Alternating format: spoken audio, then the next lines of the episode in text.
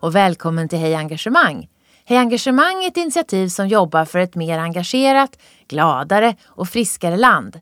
Vi vill att människor ska få möjligheten att jobba med saker de brinner för. Inte för att de måste, utan för att de vill. Tillsammans kan vi skapa bättre förutsättningar för ett ökat välmående och lönsamma prestationer. Med Hej Engagemang får du träffa inspirerande personer som ger tips och insikt i hur du kan nå bättre resultat på jobbet och samtidigt må bättre. Nu kör vi! Hej alla som vill se ett mer engagerat och digitaliserat Sverige. Nu har grundarna till Hej Engagemang och Hej Digitalt skapat ett helt nytt möteskoncept. Där får du gå från höra till att göra. Alla som är med får kavla upp ärmarna, vässa geniknölarna och vara medskapare av nya lösningar och idéer. Den 6 maj 2019 är det dags för Hej Sverige på Vasateatern. Gå in på hejengagemang.se eller hejdigitalt.se och se hela programmet och alla fantastiska medverkande. Där anmäler du dig också, vilket vi hoppas att du gör bums! Hej och välkomna alla lyssnare! Idag ska vi prata om kommunikation, varumärken och samhällsengagemang. Också en aspekt av engagemang. Och jag säger varmt välkommen till Hedvig Hagvall Bruckner. Hej, tack! Vad, vad brukar du säga när folk frågar vad du jobbar med? Jag brukar säga att jag jobbar som copywriter på reklambyrå. Och sen så beroende på hur mycket de känner till om kommunikationsbranschen så brukar det fyllas på kanske. Ni vet den där eh, byrån som gör ICAs reklamsåpa och har gjort det i väldigt många år. Det brukar vara ett bra exempel på, så man fattar ungefär vad det är jag gör. Har du varit med och jobbat med just den? Ja, det har jag gjort, men det var jättelänge sedan. Jag fick göra ICA-reklam när jag var ny på byrån och det var alltså 2006. Mm. Så då gjorde jag ett par avsnitt, eller vad man ska kalla det. Ett par filmer. Eh, du har varit på King i 13 år. Vad är det som engagerar dig eh, i jobbet? Oj, det är så mycket. Eh, jag tycker varje ny utmaning är väldigt engagerande. Eh, och det kan ju vara på gott och ont. Alltså, jag har väldigt svårt att gå in i någonting utan att eh, bli väldigt engagerad. Och då kan det ju vara att man eh, får en uppgift som man verkligen vill lösa. Sen kan det ju vara att man tycker att någonting är helt fel och konstigt och dåligt. Och då blir jag ju nästan minst lika engagerad. För det måste ju då rättas till och eh, ingenting kan ju bara få vara som det är. Mm. För du jag skulle ju kunna sätta en etikett på dig som också är att du är något av en aktivist. Ja, det skulle jag faktiskt eh, gå med på. Även om jag kanske inte använder mig av sådana metoder som jag tror att folk i allmänhet kopplar till aktivister. Mm. Prata Men lite jag... om några av de områden som har engagerat dig den, sen, den senaste tiden. Ja, jag har ju egentligen sen, jag tror i hela mitt liv, har jag ju varit feminist utan att kanske veta att det var ordet. Men jag har ju varit en jämställdhetsivrare. Alltid. Jag har aldrig kunnat gå med på att flickor ska inte klättra högt upp i träd eller eh, vara snälla och röra eller sådär. Det har jag verkligen hållit på med jämt. Och i eh, kommunikationsbranschen så är det tyvärr så att det har krävts en ganska eh, ordentlig kamp. Eh, och den har jag tagit del av. Så det är en, en stark drivkraft jag har. Sen så har jag också eh, på senare tid, eller ja, senaste tio åren kanske, ägnat mig ganska mycket åt barn och reklam. För jag tycker att det är jätte, jätteviktigt att vi i kommunikationsbranschen tar ansvar för hur eh, barn påverkas av reklam. Och hur har det tagit sig uttryck, just det engagemanget? Det engagemanget har tagit sig uttryck. Jag har skrivit eh, olika krönikor, jag har föreläst. Eh, och sen så i samband med, antagligen på grund av att jag har varit ganska uttalad och högljudd kring de här frågorna. Eh, och överhuvudtaget en ans ansvarstagande reklambransch. Så blev jag eh, tillfrågad om jag ville vara med i en utredning en statlig utredning? En statlig utredning, ja. Eh, som heter eh, Ett reklamlandskap i förändring. Som handlar om digitala kanaler och reklam. Eller egentligen nya kanaler. Eh, och de är ju främst digitala. Och då med särskilt fokus på sårbara grupper. Och sårbara grupper innefattar ju då barn, förståndshandikappade, äldre och också människor som i olika situationer i livet är sårbara. Man, man kan ju vara sårbar faktiskt ja, i ganska korta perioder, men med, med den här nya tekniken så kan man ju faktiskt hitta människor precis när de är sårbara. Klockan tre på natten en lördag. Och rikta reklam mot människor så, det är ju faktiskt inte är bra. rent ut sagt oetiskt. Väl? Ja, och det är faktiskt ja, olagligt. Mm. Och um, kan vi prata lite om det där med, innan vi går in på liksom um, ditt jobb mer och där du också är ju ledare, vi ska prata om ledarskap, men um, det här att vara engagerad i en fråga som till exempel feminism. hur, uh, hur kan du, hur, hur gör du för att ditt engagemang ska smitta på ett positivt sätt för att du så att säga, ska få fler att vilja lyssna? Eh, jag tror att i just mitt fall så använder jag ju väldigt mycket det skrivna språket. Eh, och jag försöker alltid lägga mig vinn om att formulera mig på ett sätt som inte ska eh, göra att människor liksom känner sig påhoppade eller tar avstånd i onödan. Jag försöker att undvika Eh, alltså om man, om man tittar på hur debatten och mm, liksom, tonläget är idag så är det väldigt ofta att man får poäng för att man liksom har vridit till någonstans eller eh, skriver ganska hårt. Mm. Och jag försöker hitta sätt att formulera saker så att man faktiskt kan se eh, vad som är rimligt och orimligt snarare än gott och ont och rätt och fel. Um, så jag försöker att nyansera. Och sen så um, ja, hitta gråskalorna. Att inte vara så rabiat. Liksom. Mm. Är det viktigt att just engagera emotionellt eller intellektuellt eh, i kommunikationen för att, eh, för att slå an någonting hos mottagaren? Jag skulle säga att det är, eh, för mig är det definitionen på kommunikation. Eh, därför att allt annat blir ju information eller ja, någon typ av ensidig upplysning som den som tar emot får liksom gilla eller inte. Om man vill någonting mer så tycker jag just alltså det som gör att det blir kommunikation, att det är no, ett utbyte mellan två människor, det, eller vad det nu kan vara, en organisation och många människor. Eh, det handlar ju just om att väcka känslor, skapa någon tanke eller ja, få igång eh, någonting hos mottagaren. Så jag tycker att engagemang är verkligen A och O.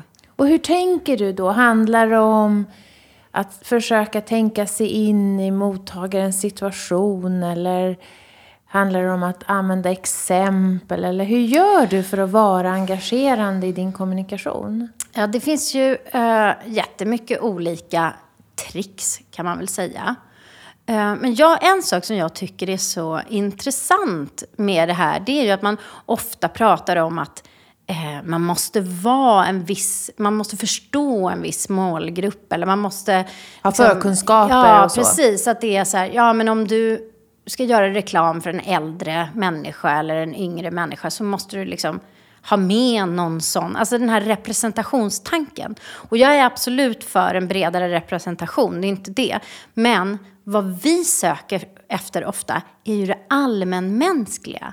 Det som förenar oss. Vi söker ju det som vi kan komma tillsammans kring snarare än det som gör oss olika. Och då då är, det är ju liksom en annan typ av övning. Att försöka förstå med vad de människor jag ska prata med nu, vad har vi gemensamt? Det här, den här organisationen eller det här företaget eller vad det nu är, eller jag.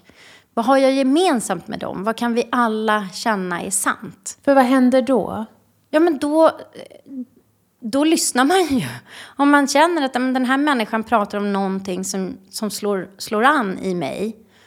Uh, och det, det kommer inte ske automatiskt för att en kvinna talar med en kvinna eller en äldre person med en äldre person.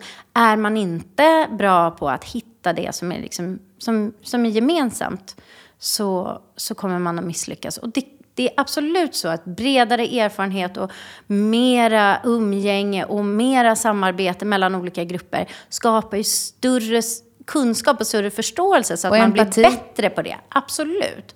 Men det är inte automatiskt så att en, ja, att en, en, eh, en person av ett visst slag, vilket också bara är så här konstigt att vi ska dela in oss i olika grupper hela tiden. Så att det handlar mer, i, i mitt jobb handlar det mer om att hitta vad, vad kan vi gilla ihop. Mm. Och om vi tar den här kopplingen till ett ledarskap då i en organisation som kanske håller på, vi säger med, säljer bilar. Eh, och, och, och jag är en ledare då som ska prata med mina medarbetare som jobbar med att sälja bilar. Nu är jag kanske lite långsökt här, men handlar det då om att också försöka tänka ibland bortom bilar eh, och tänka vad är allmänmänskligt som vi, jag och mina medarbetare har gemensamt? Ja, absolut. Och också, för det handlar ju om att hitta människors drivkrafter. Och det är ju sällan...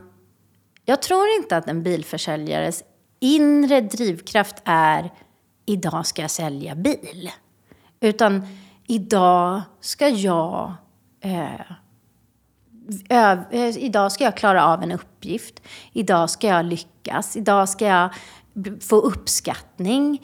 Eh, idag ska jag känna mig duktig. Eller, alltså det, finns, det är ju mycket mer saker där bakom. Och sen så tror jag också att för Ja, men med det här exemplet då, då är det ju också väldigt viktigt att prata med medarbetarna så som människor som de ska möta. Och det är också sådär, just eh, bilar är ett ganska bra exempel tycker jag i kommunikation, för där har man så mycket idéer om vem som köper bil och varför och hur den ser ut och sådär. Därför att man har sett att bilförare ser ut på ett sätt och den som man uppfattar som bilägaren. Sen så kan man gå och göra en undersökning och så visar det sig att det är oftast den som sitter på passagerarsätet som till slut säger bu eller bä om det blir den här bilen eller inte.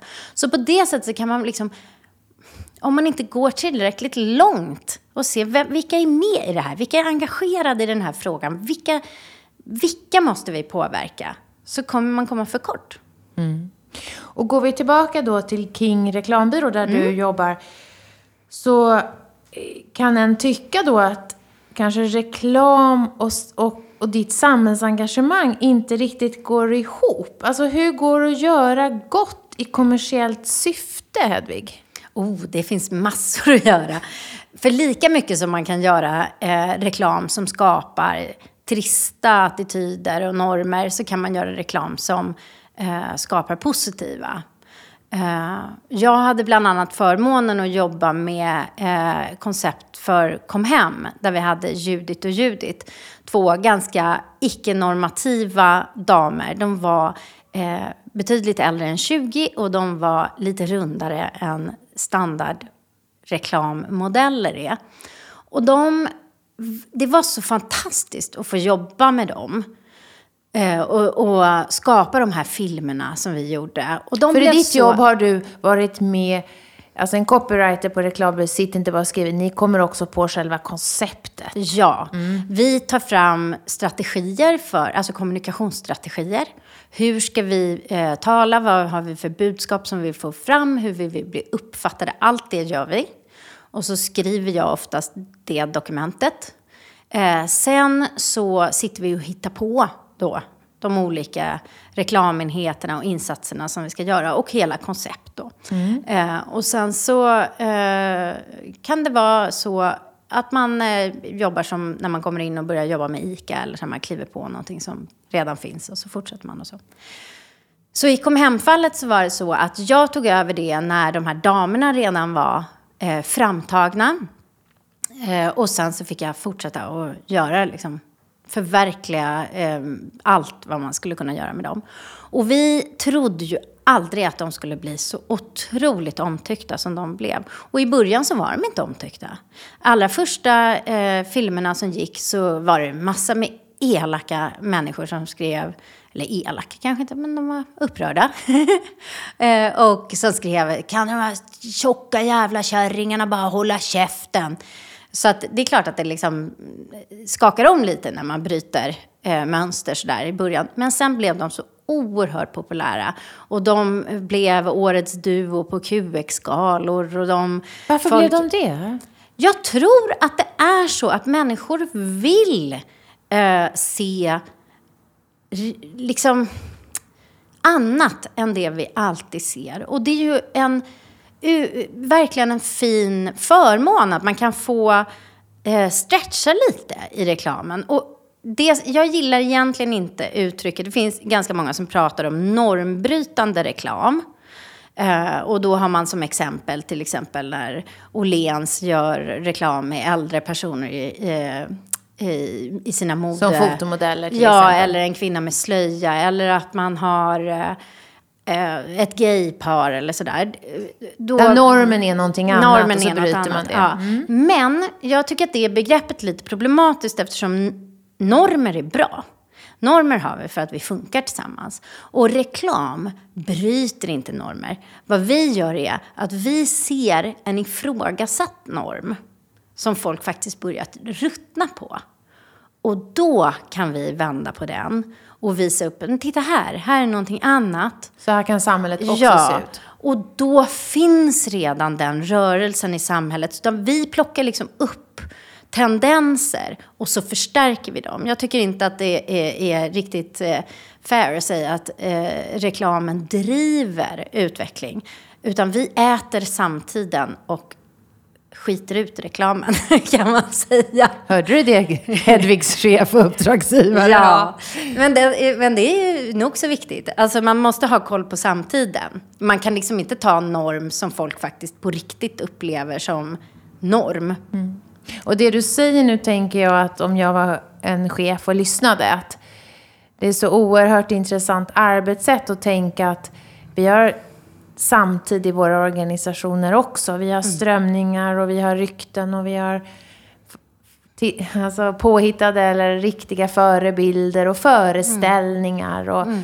att, eh, att göra någonting som engagerar många handlar om att finnas i den kontexten och ta avstamp i den kontexten. För det är det jag hör dig säga. Mm. Och vad jag tycker ett företag, eh, om man ser ur ett företagsperspektiv och hur man kan skapa någonting som är, eh, har ett värde i samhället, som är liksom bortom värdet som eh, reklamen gör för företaget. Alltså, det är ju någonting som är väldigt funktionellt. Alltså om, eh, det, det, är inte för inte som Nike gör den här eh, stora kampanjen med, vad heter han, Copernic, eller hur det nu uttalas hans mm. efternamn. Amerikanska fotbollsspelaren. Ja, eh, som blev eh, bannad ifrån, eh, ja han fick inte spela längre eftersom han gick ner på knä under nationalsången på grund av eh, våldet mot svarta i USA. Um, och, och, då plockar satsar, de upp honom och gör honom ja, till då satsar Nike på honom som en eh, förgrundsfigur. Och de får oerhört mycket kritik, men de får också dubbelt så mycket kärlek tillbaka. Och det är ju för att de vet att det här är någonting som engagerar människor och som människor faktiskt brinner för. Så att man måste ju leta, vad finns i min organisation och min verklighet som skulle kunna eh, vara en gemensam drivkraft för oss, som skulle kunna engagera oss, som vi ska stå för. För jag tycker absolut att man kan göra samhällsengagerad reklam och kommunikation, men den måste bottna i någonting som är relevant och stämmer överens med företaget. För det finns ju däremot alltså en massa andra exempel, som Pepsi till exempel, som gjorde någon slags så här, man förstod inte deras reklamfilm. De gjorde en reklamfilm där folk var ute och protesterade på gatorna, stand up together och sådär. Fast det var helt oklart.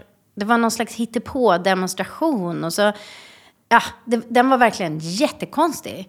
Eh, och kändes bara påhittad. Och då slår ju det tillbaka. Mm. Så man måste ju vara noga med vilket... För då är det autentiskt också. Nej, precis. Mm. Och då blir det ju, vilket engagemang ska vi... Liksom, vad ska vi engagera oss i? Det är minst lika viktigt. Men är, kan man säga, är kommunikationens valuta, hur man mäter effekt, är det engagemang? Det är en av dem. Uh, för du kan ju skapa någonting väldigt engagerande, men som men som inte skapar den eh, alltså som inte blir effektivt. Alltså man måste skilja på, vi brukar säga att eh, effekt och effektivitet. Därför att effekt kan man ju få på massa olika sätt. Men att det ska bli effektivt så att det faktiskt gör det man hade tänkt. Eh, och det kan ju vara massa saker bortom engagemang. Men, men man vill ju skapa en långsiktig relation mm. till sina kunder och sådär. Så att, ja. Utan engagemang så blir det liksom inte så mycket vits med kommunikationen. Eh, jag tänker också att jobbet på en reklambyrå handlar väldigt mycket om kreativitet. Stämmer det? Ja. Mm. Och att jag skulle vilja veta lite, eftersom du är en av cheferna på King där du jobbar. Hur, hur skapar du en trygg miljö eh, för eh, dina kollegor att, och för dig själv att vara kreativ i? Ja, alltså jag är inte, alltså jag ska inte kalla mig själv chef. Eh, eh, vi har, på vår byrå så har vi egentligen bara två chefer, de ägarna. Men, men det, det som vi allihopa jobbar med, eh, det är trygghet, ska jag säga. Det, det, det som hotar kreativitet, alltså som, som, gör att varje människa bara stänger ner och låser in sig och inte blir minsta eh, öppen och flexibel i huvudet, det är ju rädsla. Så att allting som eh, skapar oro, sen är det omöjligt att ha en organisation utan oro ibland. Eh, det, man måste ju också kunna eh, ratta om och greja lite sådär. Men, men kommunikation internt och sen en massa saker som... Eh, eh, det, sånt som skapar eh, en gruppdynamik som är sund och, och sådär. Och det är ju olika för olika människor och olika organisationer. Men jag tycker också att det, det det är en svår fråga tycker jag. Därför att jag har ett svar som jag tycker gäller för chefer. Vad en chef behöver göra. Mm. Börja med det då. Eh, ja, men det är ju att eh, inte låtsas som att det inte finns hierarkier. Det finns hierarkier på alla arbetsplatser. Det bästa är om de är bara tydliga. Mm. Så att man vet vem som bestämmer vad och eh, hur eh, beslutsprocesser går till. För det är när hierarkier liksom glider omkring under ytan och är liksom lite oklara. Och helt plötsligt så seglar någon upp här och har någon helt plötsligt fått något konstigt ansvar som man inte fattar varför den har fått. Nu gör Hedvig en mina att hon, hon fattar ingenting. Nej, det är jättekonstigt. Ja. ja, det är väldigt märkliga. Sådana, sådana saker skapar mycket oro. Så tydliga hierarkier. Eh, mycket kommunikation eh, och ha mycket, ha mycket kul och vara schysst. Liksom. Man kan inte förvänta sig att man ska ha... Alltså, om man nu är, eh, tycker att det är så knäppt att vi har så många som inte är engagerade på sina jobb och sådär. Hur engagerad är du som chef i, i dina anställda då? Eh, jag har en kompis som är psykolog. Och hon sa att... Eh, hon säger det att hon pratar med många människor som mår väldigt dåligt. Och, eh, inte har, liksom, ja, de har psykisk ohälsa. Men hon är så frustrerad över att ja, men den här psykiska ohälsan i jättemånga fall är ju inte psykisk ohälsa. Det är att de är på en arbetsplats som är fruktansvärd. Där arbetsgivarna gör förbjudna saker. Alltså jag kan säga, hon sa det, ja, men vad ska jag säga till de här människorna? Ska de äta antidepressiva för att de har en dålig chef? En dålig chef som faktiskt gör saker som man inte ens... Det är inte ens bara oetiskt, det är olagligt. Eh, så att man måste verkligen titta tillbaka på sig själv. Och egentligen så är det mitt råd också till den som är anställd. Att titta på dig. Vad, vad har du för del i det här? Och varför tycker du om att vara här? Varför tycker du inte om att vara här? Och Eh, säg, alltså jag brukar alltid säga när jag föreläser på eh, reklamskolorna att det här är liksom lite som tennis, att man måste se var man placerar sig hela tiden. Och för att må bra och vara framgångsrik så, så är det så här, är man på en plats där det inte funkar så ska man inte förvänta sig att, att andra ska ändra på sig, att de andra, att cheferna ska fixa till allting åt en och så. Utan då måste man förflytta sig själv. Och det kan ju vara inom, alltså att man förändrar sin situation själv. Eller att man faktiskt drar. Eh, det som aldrig funkar är ju myteri. Liksom. Att sitta och, och gnälla på ett rum och vara sur. Utan det bästa är ju faktiskt formulera vad man är missnöjd med eller sådär. Och så visar det sig ju väldigt ofta att den som man har tyckt har gjort något fel verkligen inte alls menade sådär. Och det var inte alls eh, tänkt att du skulle uppfatta det på si eller så. Så att har man, oftast är det ju om man bara säger sig, jag gillar inte det här, är det faktiskt så ni vill att det ska vara? För, för det vill inte jag. Nej, gud, mm. oj, kände du så? Det var ju inte alls, det måste vi ändra. Mm. Då har du nog lyckan att vara på en, plats, en arbetsplats där man kan uttrycka det. För att eh, vi vet ju från våra jobb eh, här, att, eller våra undersökningar, att det är många som inte säger ett pip. År ut och år in kniper mm. man käft. Mm. Därför att det går inte att artikulera. Nej. Och, och jag, det tror ju jag såklart på. Uh, att det finns arbetsplatser där det inte går. Men jag tror faktiskt också ofta att man tror att man inte har rätt att uh, formulera vad man tycker inte fungerar och sådär. Mm. Uh, jag tror att för mig förändrades det väldigt mycket när jag förstod att, att det var min... Uh, att, det, att en, en arbetsgivar och arbetstagarsituation är en affär som går åt två håll. Eh, jag säljer ju någonting till dem. Det är, inte, det är inte bara de som ger mig ett jobb. De, de köper ju någonting av mig. De köper min kunskap, mitt engagemang, min kreativitet. Den har jag sålt till dem.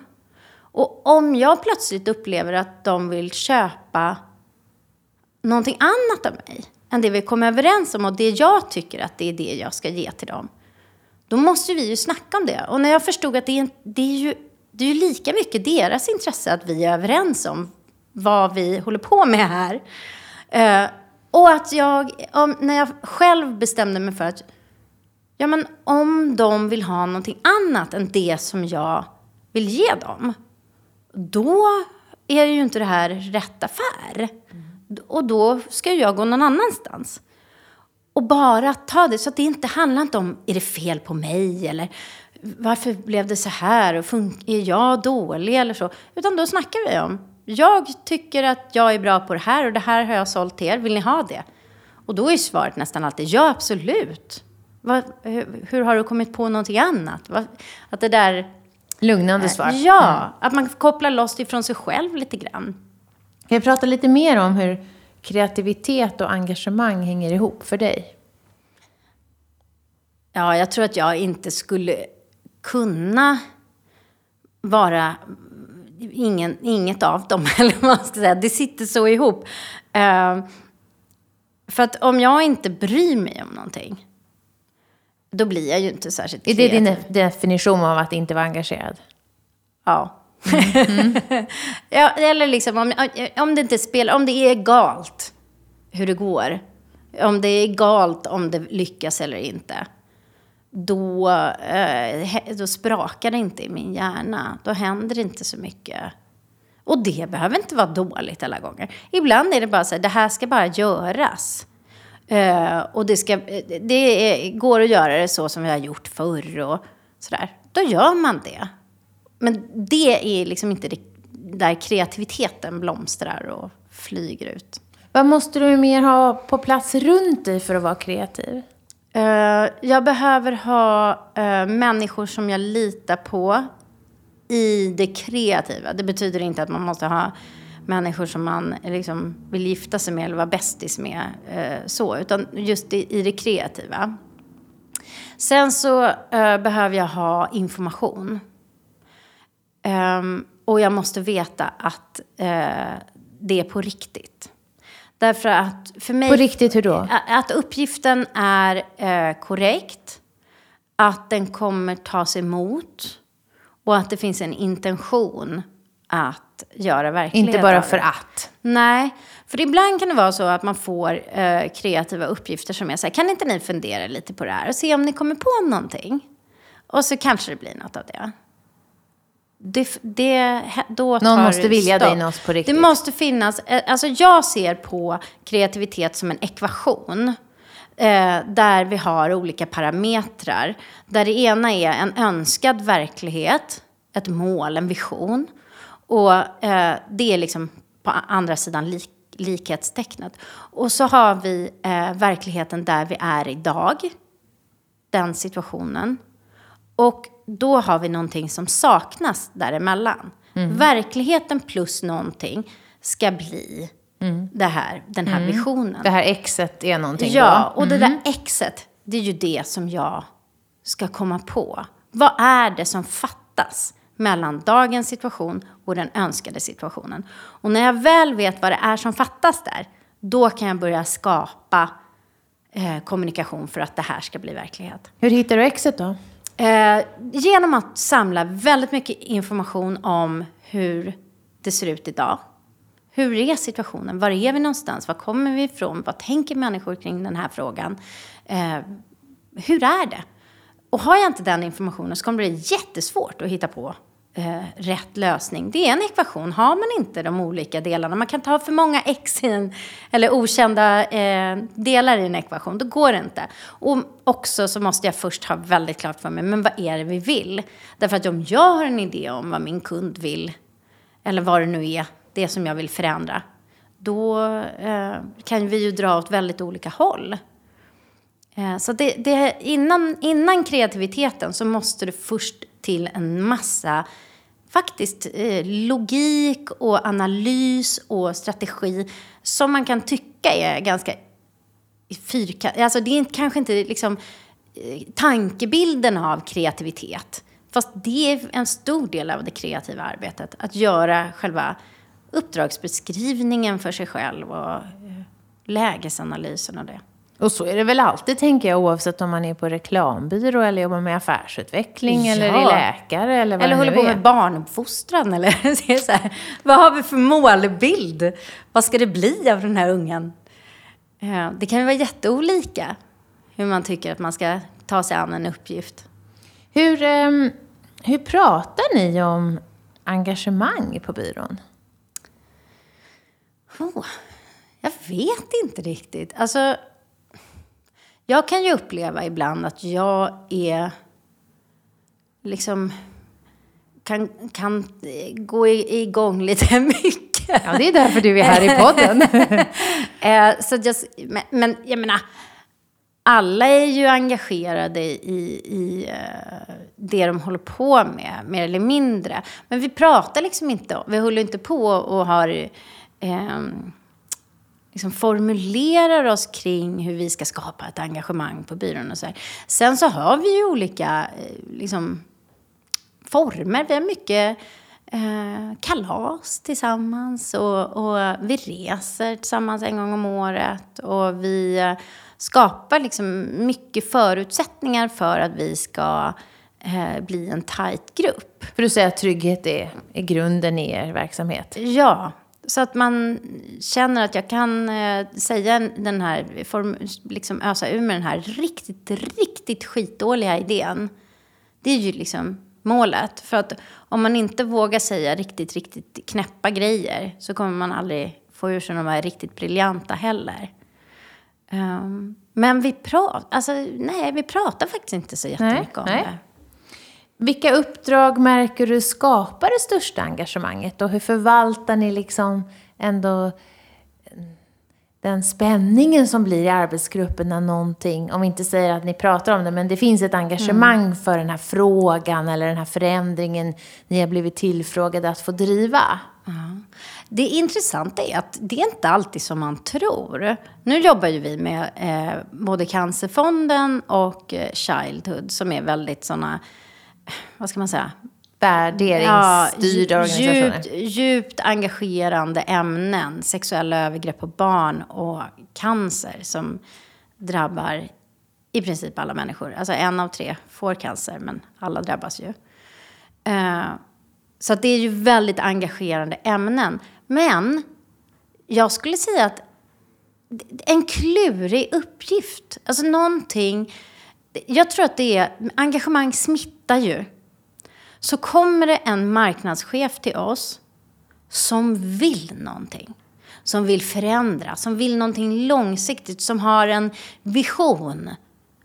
Då händer det grejer. Även om det är nytt hushållspapper. ja, det kan vara toapapper eller en chokladbit eller vad tusan som helst. Men det måste finnas en vilja. Eh, engagemang utan vilja är, är lite Så vilja och, och långsiktig riktning, långsiktig Ja, ambitionsnivå. alltså, viljan kan ju inte bara vara att eh, nu ska vi sälja iväg 17 ton eh, toarullar och sen är det bra. Utan man vill ju ha en kund som säger jag vill att alla ska älska det här toapappret. Okej, let's start. Hur mäter ni framgång? Ja, vi är ju eh, som de flesta byråer eh, väldigt tävlingsstyrda, alltså på många sätt. Och det kan ju jag tycka är... Vadå, vad betyder det? alltså, vi tävlar ju eh, i massa olika reklamtävlingar. Guldägget, 100 wattan i Sverige. Med ert arbete som Med, arbe- med, med våra, våra kunders arbete. Det är, det är kunderna som belönas egentligen. Och det är ju viktigt på ett sätt. Men på väldigt många andra inte. Annars är ju våra kunders framgång, eller det är ju, det är ju egentligen den stora framgången. Om våra kunder lyckas så har ju vi lyckats. Eh, jag tycker ju att, att ha ett samarbete som det vi har haft med ICA i nu, vad är det, 17 år tror jag.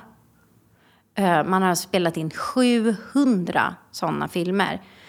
Det, själva samarbetet är ju våran framgång. Att man har eh, liksom jobbat så länge tillsammans och litar på varandra så mycket. Jag tycker det är fantastiskt.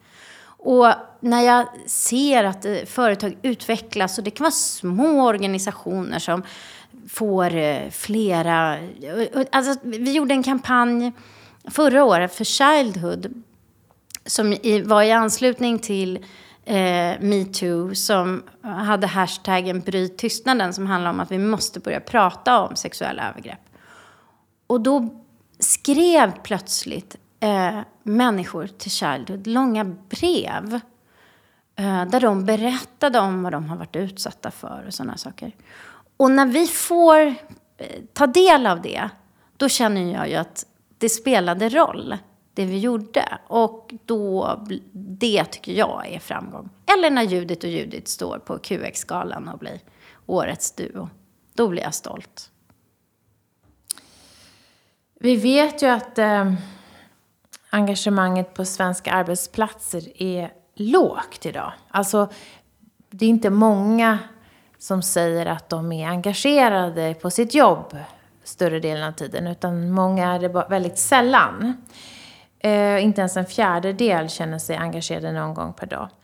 Det är ju ett Ja, det är ju ett arbetsmiljöproblem och en folkhälsofråga. Om ni fick, eller du fick en brief, vi säger att det fanns något som hette engagemangsdepartementet. Och du skulle jobba med den här frågan, precis som du jobbar med dina andra uppdrag. Hur, hur skulle du liksom ta dig an det då? Oj. Eh, jag tror att jag skulle försöka titta på vad är det på den här arbetsplatsen, i de olika arbetsrollerna, som skapar mening. För det, eh, det tror jag är den stora problematiken i vårt samhälle idag är att väldigt många människor inte känner mening. Man tror... Man har, vi, vi luras lätt in i att vi ska tjäna pengar och vi ska konsumera och vi ska därför bli lyckliga genom bara själva ruljansen. Och det tror inte jag. Alltså, det är inte det som skapar engagemang om du höjer en lön. Eller, och det tycker jag också är väldigt frustrerande när man pratar om polisbrist och lärarbrist och allting. Att alltid är svaret höj löner, höj löner. Jag tror inte att den här typen av problem löses genom att man kastar pengar på dem.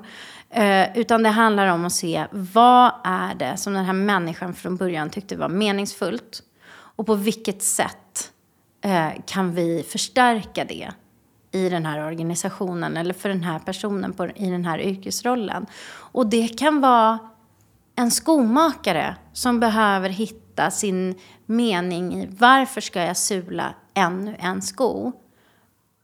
För att om man tror att det bara är för att jag ska ha min lön, då, det väcker inte ett engagemang. Utan man måste få skapa betydelse. Mm. Var hittar du den här energin och den här meningen? När, om den skulle vara låg? Eh, ehm, då backar jag tillbaka och eh, mediterar lite granna. Eh, och jag kan... eh, jag har någon slags eh, idé om någon slags gud som kanske inte är någon typisk religionsgud. Men jag sitter och försöker höra vad är, vad är, är rätt och fel här. Och är det någonting som verkligen är, är, är fel, alltså att, det, det, att den här meningen verkligen inte finns där, att jag inte kan hitta det, då måste jag ju säga det. Och, eh, Till vem? Ja, om det är på en arbetsplats, om det är någonting som känns totalt meningslöst faktiskt. Och som gör mig ledsen över tid. Sen kan man ju ibland ha en, är liksom, inte jättekul uppgift. Men det, då kan ju meningen vara att, eh, ja, det här behöver bli gjort. Och det, eh, det kan vara nog så viktigt att jag bara eh, får det här företaget att fungera och att vi eh, rullar på här. Jag är lojal med mina arbetskamrater. Det kanske är min mening då. Eh, men, men om det är någonting som över tid verkligen inte stämmer överens med mina värderingar, då måste man byta. Alltså, sen förstår ju jag att människor kan ha liksom, ekonomiska situationer som gör att det inte är så himla lätt att, att bara byta jobb. Sådär. Men, men man går ju sönder om man är för länge i en situation som man tycker är helt meningslös. Mm. Jag tror att utbrändhet och så handlar väldigt mycket om att man har tappat liksom, man sitter och gör massa grejer som inte handlar om kärnan, varför man ville. Säg att man är lärare till exempel. Man håller på med jättemycket annat än att utveckla barn och, och få dem att se världen. Vilket jag tror är en, en drivkraft för många lärare till exempel. Mm. Vad, till sist, vad borde jag mer fråga om som du verkligen tycker är intressant att prata om? Ja, herregud. Uh, jag vet inte. Um, jag tycker att det är viktigt att uh, människor förstår att de har ganska mycket mera makt över sin situation än vad de tror de har ofta.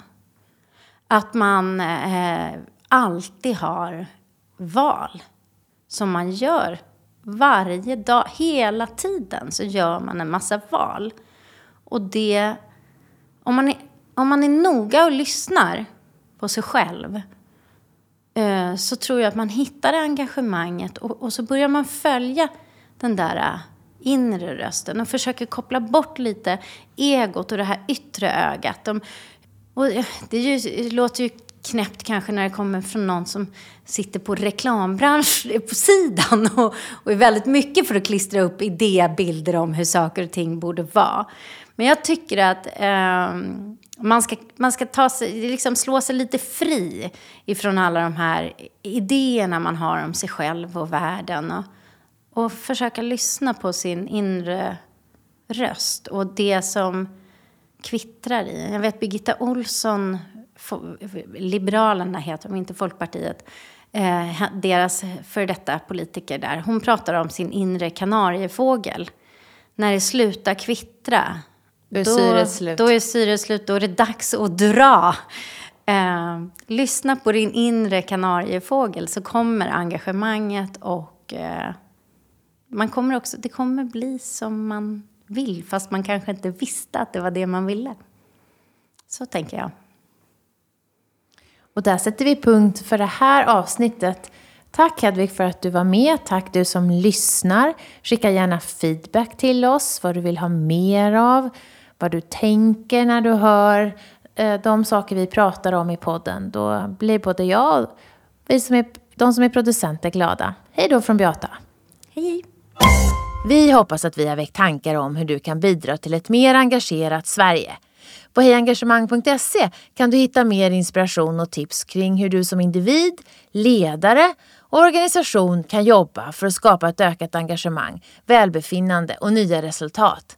Tack för att du har lyssnat!